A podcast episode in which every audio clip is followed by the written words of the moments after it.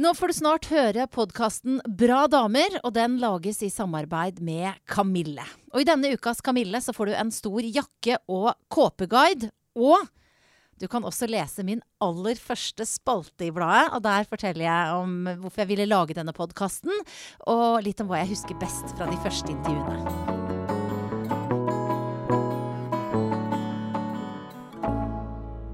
Da er vi klare. Ja. God morgen, god kveld, god natt, alt ettersom hva som passer. Og tusen takk for at du lytter til podkasten Bra damer. Dette er min podkast. Jeg heter Guri Solberg. Og det er altså en, en, drømmeoppgave for meg, for jeg snakker med damer som jeg ser opp til, som jeg er nysgjerrig på, som har fått til noe kult. Og dagens bra dame sitter foran meg med nyfarget rosa hår. Silje Halstensen, velkommen hit. Takk også kjent som eh, artisten Bendik. Mm. Um, og du må, altså, jeg, det er kanskje litt sånn overfladisk å begynne med hår, men kan ikke du bare fortelle? For at folk har sett deg med hvitt hår, med blått hår, kanskje litt lilla, eller? Eh, ja, ja. jeg har hatt uh, ulike typer rosa farge, så den ene kunne for så vidt minne om lilla. Ja. Så jeg har hatt litt sånn blått, litt grønt. Det var bare et innfall eh, en gang i løpet av fjoråret. Og så nå har jeg vent meg så til det at jeg klarer ikke å slutte. ja, Så nå sa du at du hadde ikke sett deg selv i speilet engang, du bare gjorde det i dusjen? ja. ja, det ble litt kjapt i morges, ja. Men eh, jeg prøver liksom det nå, da, og ikke alltid dra til frisøren, men bare fikse det litt sjøl, også. Mm. Det er en veldig kul rosa farge. Jeg blir alltid sånn inspirert til å gjøre noe litt sånn. Ja, jeg er ditt speil så langt. Jeg kan si Du ser veldig fin ut. Ja, takk. Og så har jeg på en måte sånn en blanding av gira og litt dårlig samvittighet. For da jeg skulle gjøre denne avtalen med deg, mm. så før jeg kontakta deg, så gikk jeg inn på nettsidene dine for å se på turnéplanen. Ja. Så så jeg der har hun to fridager. Ja. Jeg spør om hun kan en av de dagene. For du har en sjukt hektisk sommer. Ja, det tok seg litt opp. Mm. Og det er jo en, en bra greie. Hvordan går, hvordan går turnésommeren? Hvordan går det med deg? Det går veldig fint. Jeg kjenner at eh, Nå hadde jeg søndag på mandag i går, og det er viktig. Mm. At det stopper litt sånn opp innimellom. Men eh, vi har det veldig gøy nå på turné, altså. Vi spiller jo på veldig mange av de festivalene jeg alltid har drømt om å spille på også, så det, ja, det er veldig kjekt. Og nå opplevde vi Jeg tror kanskje det gøyeste publikummet jeg har møtt så langt, var på Vinjerock. Og midt i konserten så gikk strømmen. Ja. Gud, hva, hvordan, hva, gjorde du da? Eh, du måtte bare vente på um, å se om den kom tilbake igjen. Og så kom den ikke tilbake igjen eh, før vi måtte rigge av. Så det var veldig trist. Men det som var gøy da, var at idet vi gikk av scenen, så var vi allerede booket, av, booket til Vinjerock da i 2017. Og dette er en festival som er, for de som ikke kjenner til den, eh, høyt oppe i fjellheimen. Ganske ja, spesiell, ja. Eh, spesielt sted å spille. Ja, og spesielt publikum. Ja, hvordan, hvordan er publikum på Vinjerock? Jeg tror det er, er mange ingeniører der. det var litt sånn. Musikkinteresserte ingeniører. Ja, det var så mye norrøna og Stamberg og bergenser til hjelp. Men ja, det, så det, det høllregnet, liksom. Himmelen falt ned. Det var derfor også lynet gikk i en trafo, og det var bare alt falt litt sånn sammen. Men, uh, men de sto der. Fullt av folk. Altså, de er jo gale mennesker. men du visste Nå var det ingeniører mm. du spilte for. Um, og vi har jo kjent deg som, altså, som frontfigur i Bendik, nå som artisten Bendik. Altså mm. siden 2011, i eh, hvert fall. Mm. Um, hvem er publikummet ditt når de ikke er uh, ingeniører i allværsjakker? Hvem er det du ser for deg liksom, når du lager musikken din? Det um, Ja, det er ofte sånn at jeg tenker uh, på ungdommer. Um, og hvordan de har det. For det, mye av det jeg skriver om, bunner fortsatt i en del av de her sterke følelsene jeg kjente mye på i ungdomstiden. Men det jeg syns er, er, veldig kult, er at i tillegg til at det er de som kommer på konsertene, så kommer også rockeguttene og rockedamene. Så vi når jo tydeligvis ut til litt både og. Litt pop og litt rock. Mm. Folket, da de sterke følelsene som du kjente på da du var ungdom, sa du. Mm. Eh, hva, går det an å oppsummere det? Hva, oh, ja. Hva, hva, var det for noe? Du vet eh, når det gjør så vondt Eller det føles som det gjør så vondt inni, inni hjertet. Typ hjertesorg, eksempel. At du har opplevd et brudd eller eh, kanskje savner noen. Og at det liksom kjennes ut som at det stikkes en nesten sånn kniv inn i hjertet. Det, den følelsen klarer ikke jeg å bli helt, helt kvitt. Mm, så det er ofte der jeg finner inspirasjon, da. Men nå prøver jeg å unngå det. Men det virker som om veldig mange sangene dine Eller ikke det, altså du skal slippe å liksom tolke låtene dine eh, for meg, men det virker som det er mye hjertesorg i, Mm. i alle tre albumene dine, egentlig. Er det, Ja. er det feil? Eh, nei, det er mye riktig det. Så er det mye annet også jeg eh, finner inspirasjon ved. Eller andre som Men det er stort sett funnet i mine egne opplevelser. På godt og vondt. Har du vært uheldig på Ja. kjærlighetsfronten? Ja, nå kjenner jeg egentlig at, uh, at eh, det er litt nok, uh, rett og slett. Nå tror jeg jeg har fått min dose. Nå må det være bra en stund, tror jeg. Ja, men, ah, har du kjæreste nå, for eksempel? Eh, kanskje. Kanskje kjæreste. Men det er bra nå, eller? Det er i Ja. hvert fall viktigst. Ja. Mm. Hvordan går det med låtskrivinga da?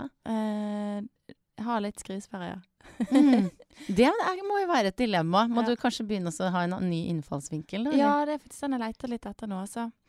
Så jeg vurderer å snakke med ungdommer, da, faktisk. Og bli litt inspirert av de tingene de føler og tenker på.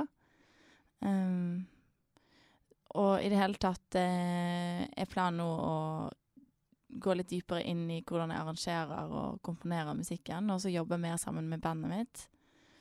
Eh, gi de litt mer plass og rom, og så ta det litt derfra, da. Mm. Mm, så- Hvordan så- gjør du det altså for en som ikke er musiker? Så jeg skal prøve å forstå Når du sier du skal gå dypere inn i det, hva Mm. gjør du helt praktisk da? Hvordan, hvordan jobber du da? Ja. um, nei, nå prøver vi eh, Vi prøver oss litt fram, da. For nå har det vært sånn at uh, jeg har eh, gjerne lagd et utgangspunkt, en demo, en skisse, på piano eller eh, i hjemmestudioet. Og så har bandet kommet i studio og lagt på uh, ut ifra de stikkordene jeg prøver å forklare det jeg vil ha med. Men eh, denne gangen så prøver jeg litt litt eh, å, lage disse skissene, men så lite som mulig, sånn at det blir mer rom for eh, at gitaristen eller han spiller synt, eller trommisen kan også komme med sine egne innfallsvinkler, da. Um, for de er jo veldig musikalske og kreative, så jeg vil gjerne utnytte det litt. Hvordan er det å på en måte, hva skal jeg si, gi mer ansvar og, og rom til andre? Slippe kontrollen? ja, det syns jeg er kjempevanskelig. Skikkelig vanskelig. Men uh, nå har vi spilt sammen så lenge, og jeg er så trygge på dem, at jeg tror også at de har uh, begynt å skjønne Eller at de skjønner godt da hva det jeg egentlig vil ha, og så får de heller komme med en slags, en slags alternativ. Hvordan er, hvordan er stemninga og hva skal jeg si, energien mellom dere sånn når dere jobber, jobber i studio? Er det liksom Er du Mm. streng, eller er Nei. Nei, det klarer jeg ikke å være. Og det er veldig, det er veldig um, ofte at de gjør det så bra at jeg hopper og roper i studio. Så det er ganske fantastisk. Jeg er veldig heldig som spiller med så dyktige folk, altså. Så det er bare god stemning, både i studio og live. Mm. Og du, altså, du, altså, du hopper og roper. Altså, den energien har du jo på scenen. ja. Det er, så jeg kom på noe, så det er jo for de som ikke har noe sånn klart bilde av deg. Og hvem er hun igjen? Og kanskje Mm. ikke har rukket å google deg. Mm. Så, så tenker jeg kanskje det folk har- friskeste minne, er opptredenen din på Spellemannprisen. Ja. Som var jo, altså ble trukket fram av mange etterpå som høydepunktet på prisutdelinga. Og da, som så mange andre ganger når jeg har sett deg, så tenker jeg at liksom Altså, du bare river ut hjertet ditt. Ja. Uh, og du har sånn et intens blikk, en intens stemme. Og så tenker jeg uh, at du bare gir hele deg, da. Mm. Uh, hvordan føler du deg? hvordan, hvordan føler du deg etter en sånn opptreden? Utslitt. Ja.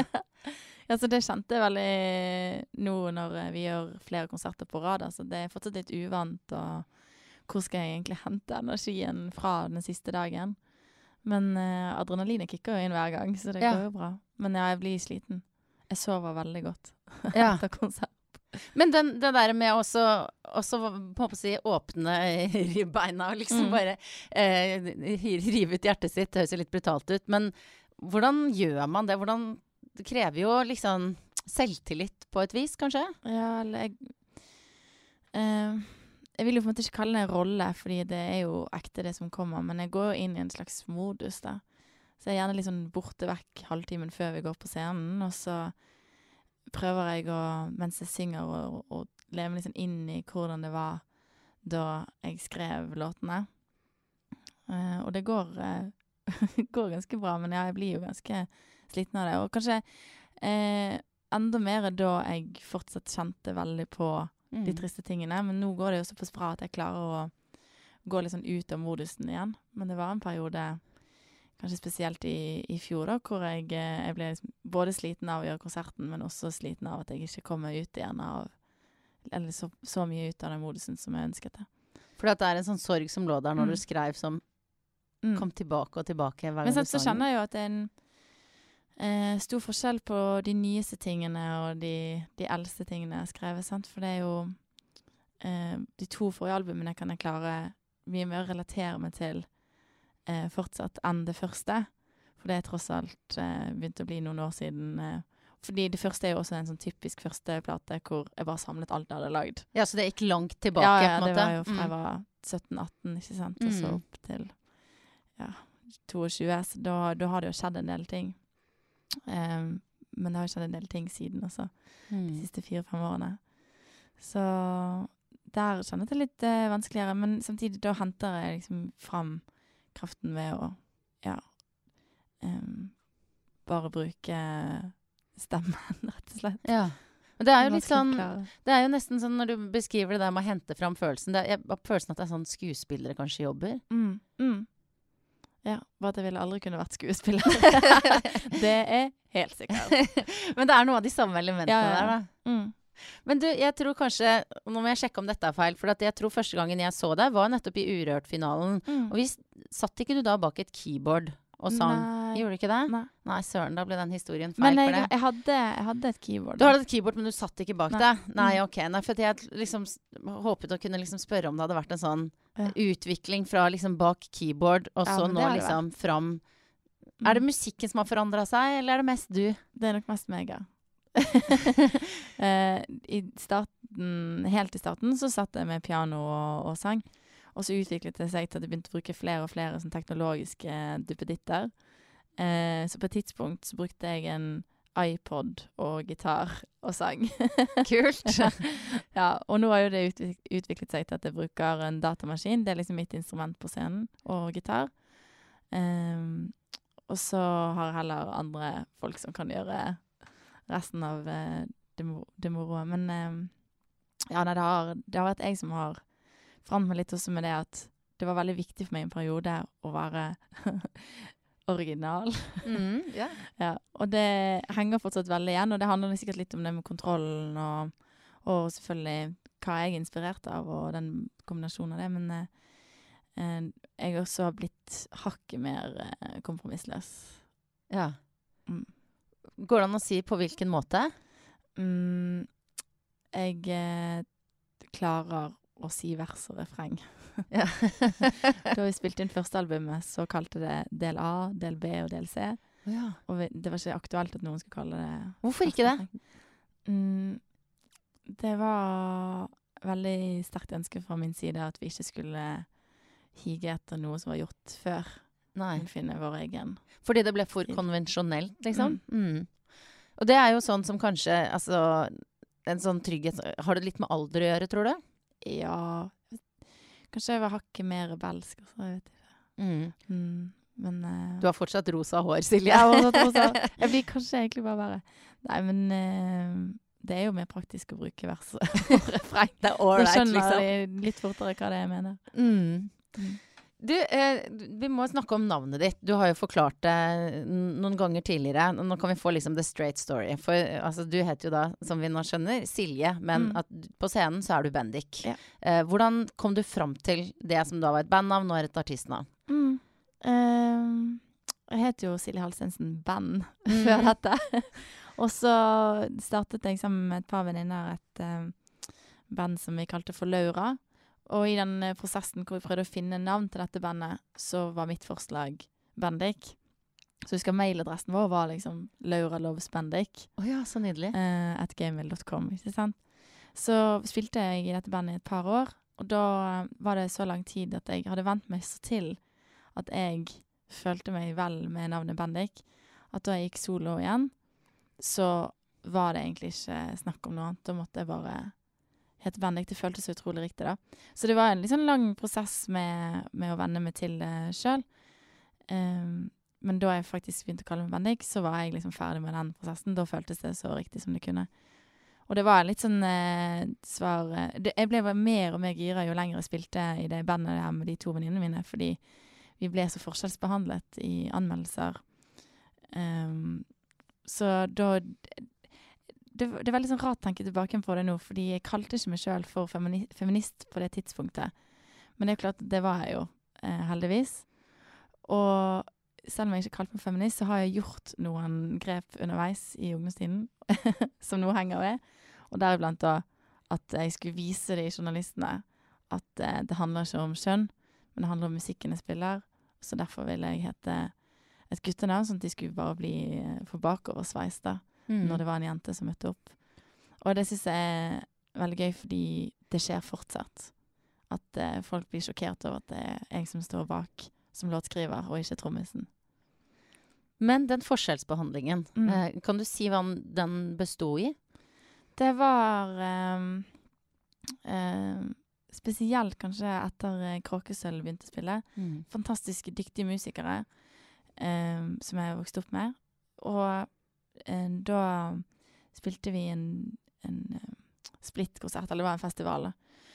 Hvor eh, en journaliststudent eh, skrev anmeldelser. Og denne personen skrev da altså eh, om Kråkesølv som dyktige musikere eh, og liksom saklig anmeldelse. Mm. Mens anmeldelsen vår eh, handlet kun om at vi var liksom hysteriske 16 år gamle jenter. Eh, men det var i hvert fall én som kunne synge litt. Veldig usaklig anmeldelse. Og da, det kan godt Altså, det er helt greit å ikke like musikken, men det var veldig sånn eh, tydelig at her handlet det mye om hvilket kjønn vi var. Eh, og at her måtte vi overbevise heller enn å bare få lov til å spille en, en konsert. Em, og vi var jo 20 år, så det var jo Det var veldig nedlatende også. Ja. Em, så det Det var litt sånn der det matet litt på, da. Og det skjer stadig vekk òg, altså. Det er jo sånne ting em, De mener det jo ofte De mener jo ikke vondt.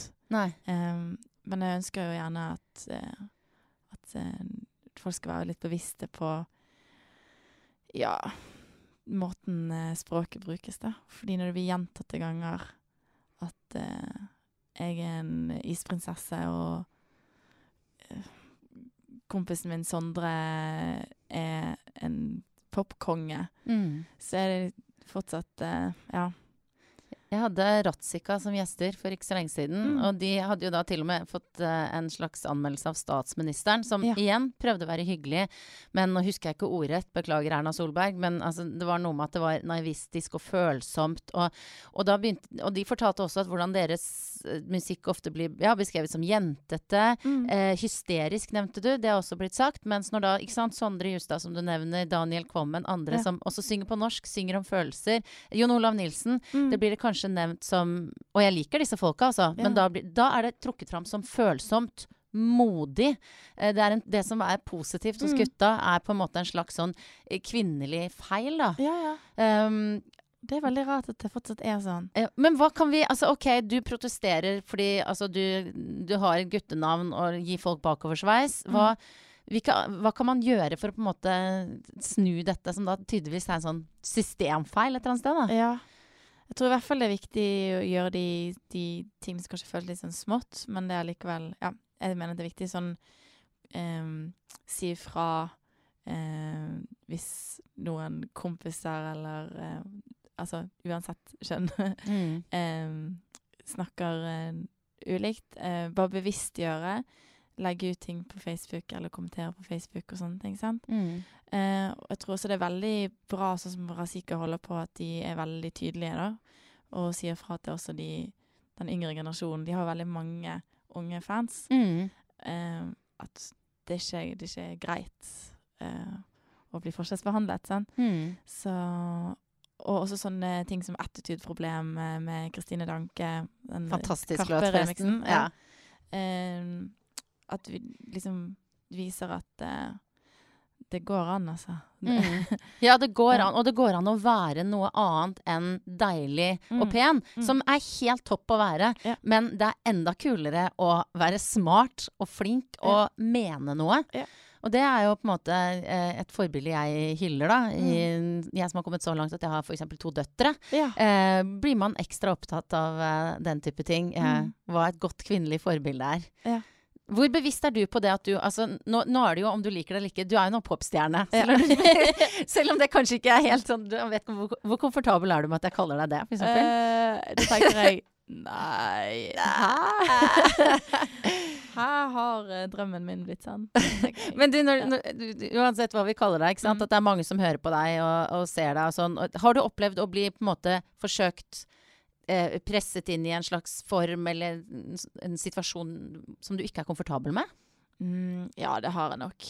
Nå klar- klarer jeg ikke komme på noen eh, konkrete eksempler akkurat eh, nå, men eh, ja, det har jeg nok. Eh, I starten så var det veldig viktig for meg å Sammen med det her med å ikke kalle det vers og refreng og så sant?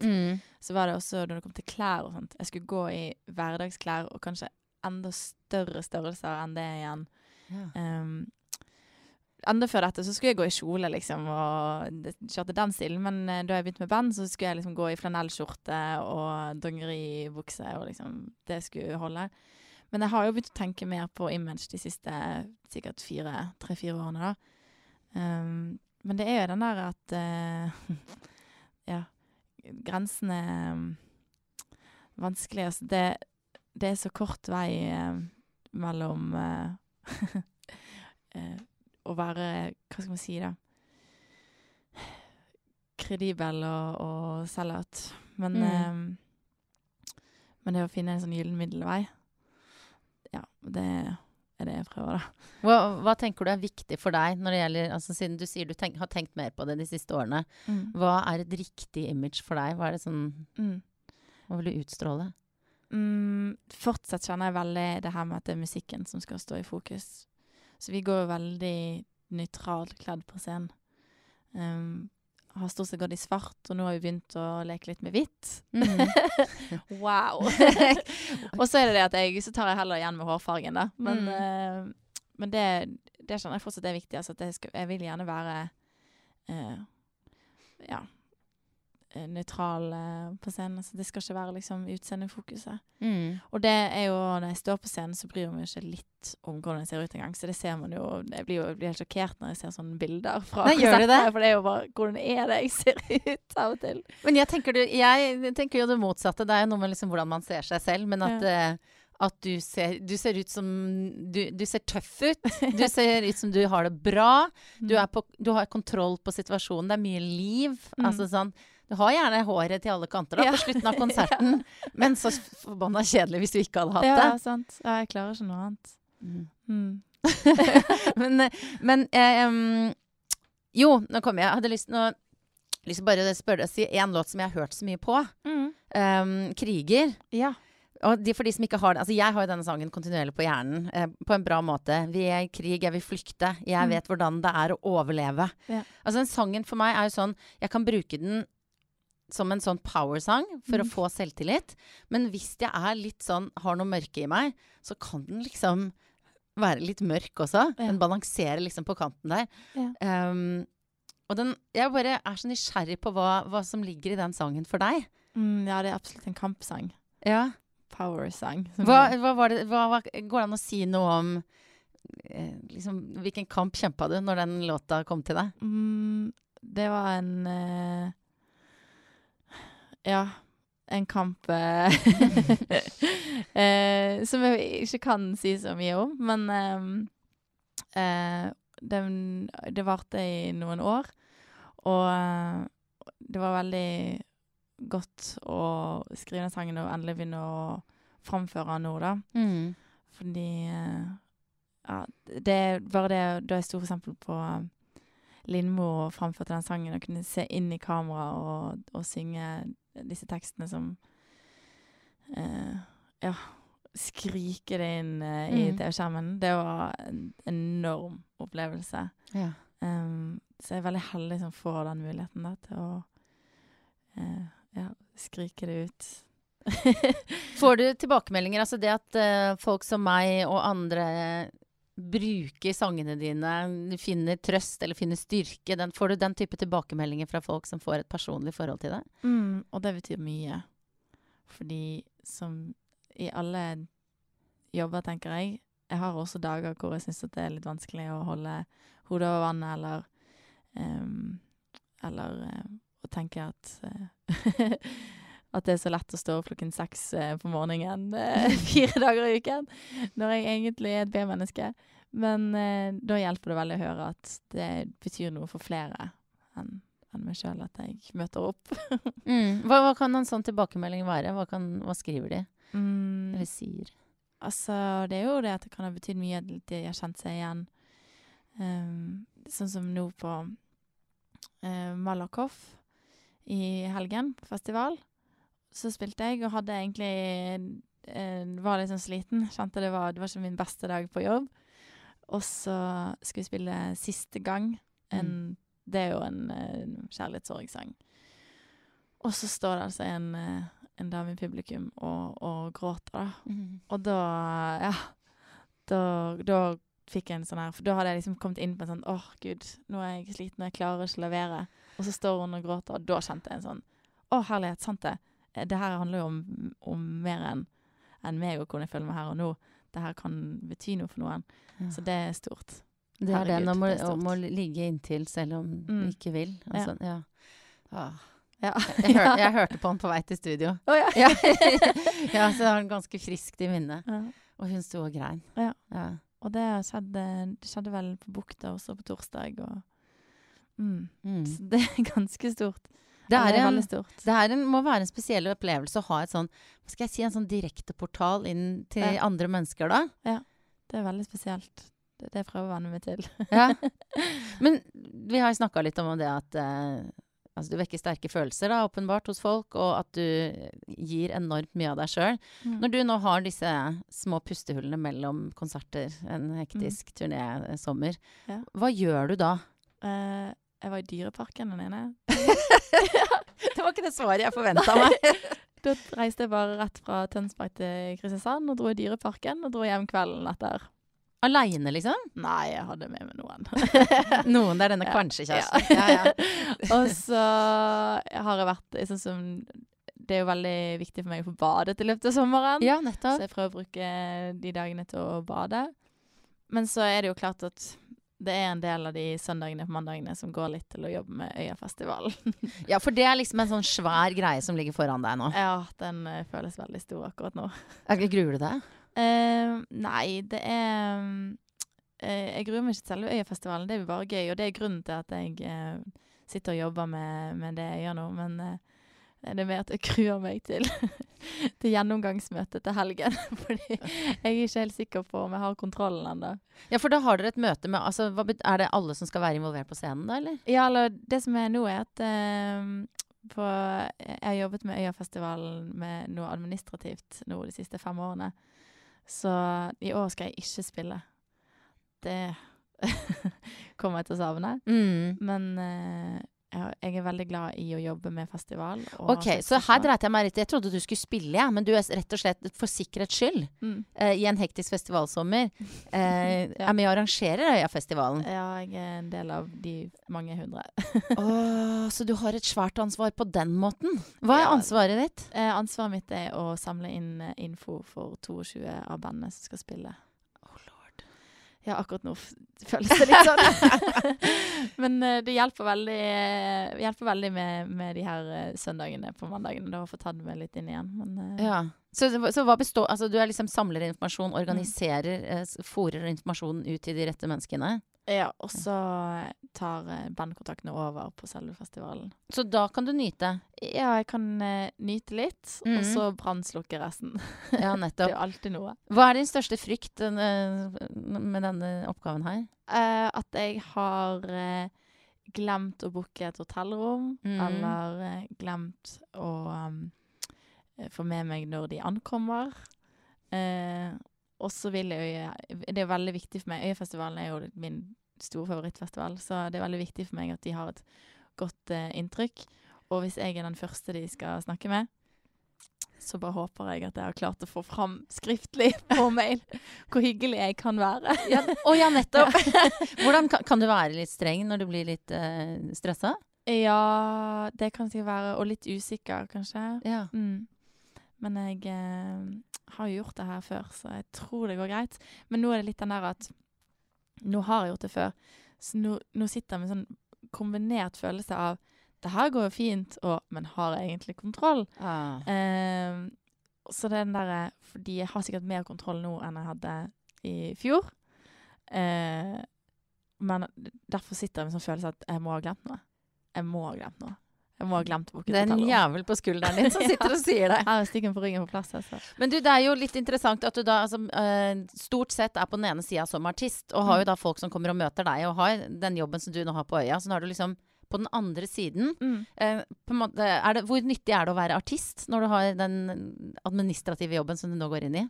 Mm, jeg tror det kan være ganske bra, jeg, altså. Eh, jeg vet jo hva som er aller mest viktig for oss.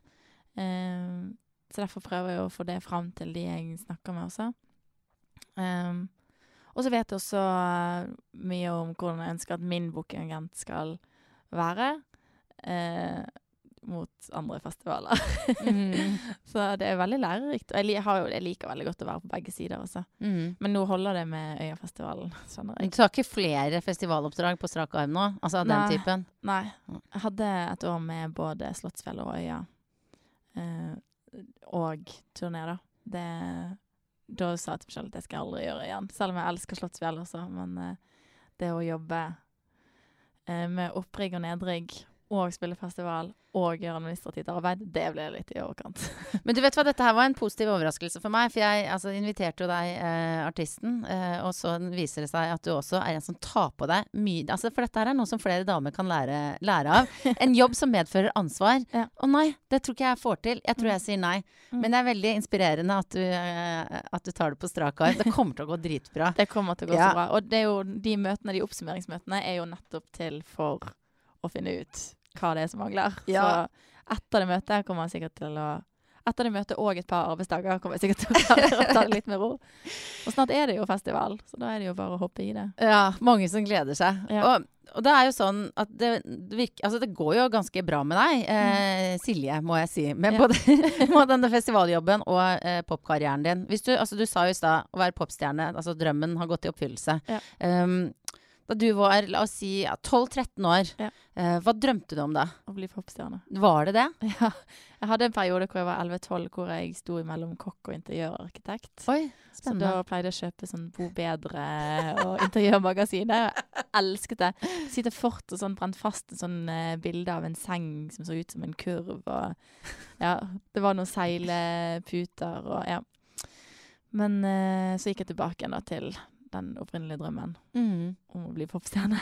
Du, og, og var det sånn, det, hvis du skulle gitt noen råd til deg selv Mm. da, Ja. eh, fra der du står nå, hva skulle det vært? Eh, er det lov til å banne? Ja, for Jeg all skulle, del. jeg skulle gjerne ha sagt til meg sjøl at jeg, det er lov til å gi litt mer faen. Mm. Mm. Var du ordentlig? Ordentlig og tok skolen på alvor, som er viktig. Mm. Men eh, jeg var ikke sånn kjempeskoleflink, så jeg tok meg så veldig nær av at jeg liksom, Jeg fikk det ikke helt til. Åh. Så jeg skulle gjerne heller ha sittet på hvis jeg, hvis jeg skulle gjort det på nytt igjen, ungdomsskolen og videregående, Mm. skulle jeg gjerne heller ha sittet og øvd og blitt god i et instrument enn å bli middels god i, eh, i Jeg vet ikke naturfag. Mm. Og at du tidligere hadde funnet ut at uh, du Her- faktisk ja. var dritgod på musikk, og at Ja. det kunne være din greie. Mm. Mm. Men så skulle jeg være, være så flink, da.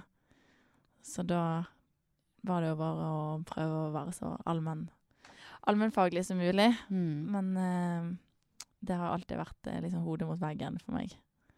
Mens min lillesøster hun er kjempeflink, så jeg tenker at hun skal forhåpentligvis jobbe med noe sånn fast og stabilt. Sånn ordentlig. Ja. Men du, når oppdaga du at du faktisk var dritgod? Altså at musikk var din greie? At du Mm. kunne leve av det som du gjør nå? At det kunne være en greie for deg? Jeg tror fortsatt jeg leter litt etter akkurat eh, det. Men uh, jeg eh, Det har vel noe med at da jeg eh, hadde begynt på Jeg har tatt en bachelor i musikkteknologi på NTNU, og det var litt sånn Den tok jeg for bare å være sånn OK, jeg får prøve dette, Mm. og hvis ikke det funker, så blir jeg politiker, eller noe. Politiker, ja, det var liksom det Var det et alternativ? Ja, det var litt alternativet. Ja, ja. Uten at jeg har vært noe politisk engasjert. Men det var det jeg tenkte, da. Yes, spennende. Mm, og så eh, begynte jeg på musikkteknologi, og det var skikkelig vanskelig. Så jeg eh, begynte å vurdere å gi meg. Um, ikke med skolen, fordi at jeg er sta. Jeg skulle gjennomføre det. Mm. Men jeg begynte å vurdere om jeg skulle gi meg med musikken, der, og heller kun gjøre festival og uh, ja, studere noe helt annet etter hvert. Og så eh, kom uh, Det er litt sånn solskinnshistorie, men det var et lokalt uh, indie-label som het Riot Factory, som hadde funnet meg på Urørt. Um, og som gjerne ville at jeg skulle spille inn en julesang til alternativ julekalender, som det het. Mm. Um, som er sånn indie-musikkopplegg. og så eh, gjorde jeg det, og så benyttet anledningen til å eh, bruke han ene jeg gikk i klasse med som vi, vi hadde spilt litt sammen. eh, skoleprosjekter. Og så var det én trommis som jeg syntes var veldig god, som gikk jazzlinjen. Så jeg tenkte OK, men nå, nå Ja, jeg spør han om han kan tenke seg å gjøre det. Og han var med. Og det funket. Og så ble vi booket til en eh, festival. Og da kjente jeg at Nei, nå, nå må jeg skjerpe meg. Det er jo det her jeg vil. Så, og det er jo nettopp det, da. Jeg har, jeg har sagt det mange ganger, men hvis det hadde vært noe som helst annet jeg kunne tenke meg å gjøre, Mm. så hadde jeg gjort det. Fordi det er jo beinhardt. Ja. Det og det har vært, og er fortsatt, eh, ikke uendelig med, med god økonomi. Det er mye organisering, og det er mye styr, og det er eh, lite søvn. Men eh, det er så verdt det når jeg står på scenen eller er i studio. Det nuller ut alt slitet. Alt. Ja, ja, ja. Det kan være et, mild, altså et lite sekund når jeg står der på Vinjerocken, eksempel, og dette publikummet som var så bra. Så var det kanskje et par sekunder hvor jeg bare rakk å tenke litt innimellom låtene, og bare kjente sånn Å, sant det. Det her er jo helt utrolig. Det, hva er det Det her, det her er jo Det her er jo drømmen. Så det er godt å bli minnet på det. Mm. Mm. Silje, jeg ba deg om å ta med noe. Ja. No- Noe Jeg har den på og så meg. har på fingeren! Ja. Noe som kan si noe om hvem du er. Og der drar Silje av en utrolig fin ring. ja. Fortell. Um, jo, da jeg begynte å tenke på image, så begynte jeg også å låne klær. Mm. Uh, og inkludert uh, litt sånn ringer og sånt. Og da fant jeg denne ringen her.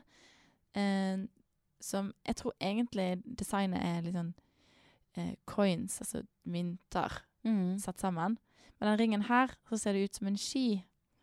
Og det er et eller annet med ski og, og meg.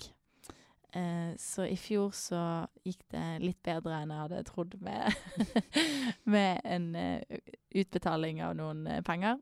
Så da tenkte jeg shit, nå, nå skal jeg investere. Ja. Den er ikke så dyr, altså. Men uh, det føles likevel som en investering. Ja. Og den her tror jeg faktisk, hvis jeg mister den en dag, så kommer jeg til å begynne å grine. Og nå må ta den på igjen, ta den på igjen. Hva er det med deg og skyer? Uh, det blir en sånn klisjé med en gang, men jeg tror det er det, Jeg syns det er vakkert. Skyer er vakkert, og det ser så mykt ut. Mm. Uh, og så er det noe med himmelen, Um, og at det, ingenting er umulig.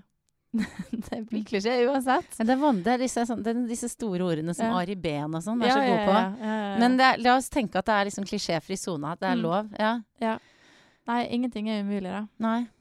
Og eh, jeg har kommet så langt, så da Mm. Så den eh, ringen er en slags eh, Istedenfor å tatovere inn noe, så jeg ser jeg på den, og så tenker jeg at yes, det her går bra. Mm. Mm. Det gjør jo det. Ja. Ja. Så jeg kan bli litt stressa hvis jeg ikke har den på, eh, på konsert plutselig. Det er nesten litt sånn overtro for den. Ja, har du noen gang glemt den noe sted? Eh, jeg har trodd at jeg har glemt den, men har tatt den med. Mm. du må passe godt på den. Ja, jeg passer godt på den. Jeg legger den alltid på vasken, eh, sånn at jeg ser den før jeg drar. Mm. Men vi er innom såpass mange hotellrom at det er egentlig ganske utrolig at jeg ikke har, har mistet den ennå. Du må gravere, må gravere telefonnummeret ditt inni eller sånn. At hvis noen Vet du hva jeg skal gjøre? ja. Så ring Silje hvis dere Ja. finner ja. Men du kommer ikke til å miste den. Nei, Bank i Bank i bordet. bordet. Silje Halstensen, hva synes du kjennetegner en bra dame? Uh, Jeg, liksom, Eh. jeg tok det lette spørsmålet til slutt. Å oh, oh, oh, Det kan være så mangt. Um, for eksempel uh, omsorgsfull. Mm. Det syns jeg er veldig sterkt. Um, og det å uh, eh, Damer som følger det Pippi sier Mm. Det har jeg ikke gjort før, så det får jeg sikkert til. Det uh, syns jeg er flott. Mm. Vi er jo en del. Ja. Og du er en inspirasjon til å gjøre nettopp det, Silje. Tusen takk for at du kom. takk Pass godt på ringen. Ja, Og for dere som hører på, som ennå ikke har sjekka ut musikken til Bendik, så er det en, eh, eh, en, en stående oppfordring. Gå, så gjør det nå. Eh, driver ut hjertet. Det, sånn? høres så fælt ut når jeg sier det, men det Nei, men det- på en bra måte. Det er bra at det fins litt av sånt også. Ja. Kan vi gå tilbake til Freddy etterpå. etterpå. Eller eventuelt ikke. Nei, ikke gjør det! Uff a meg. Takk skal du ha, Silje. Monster.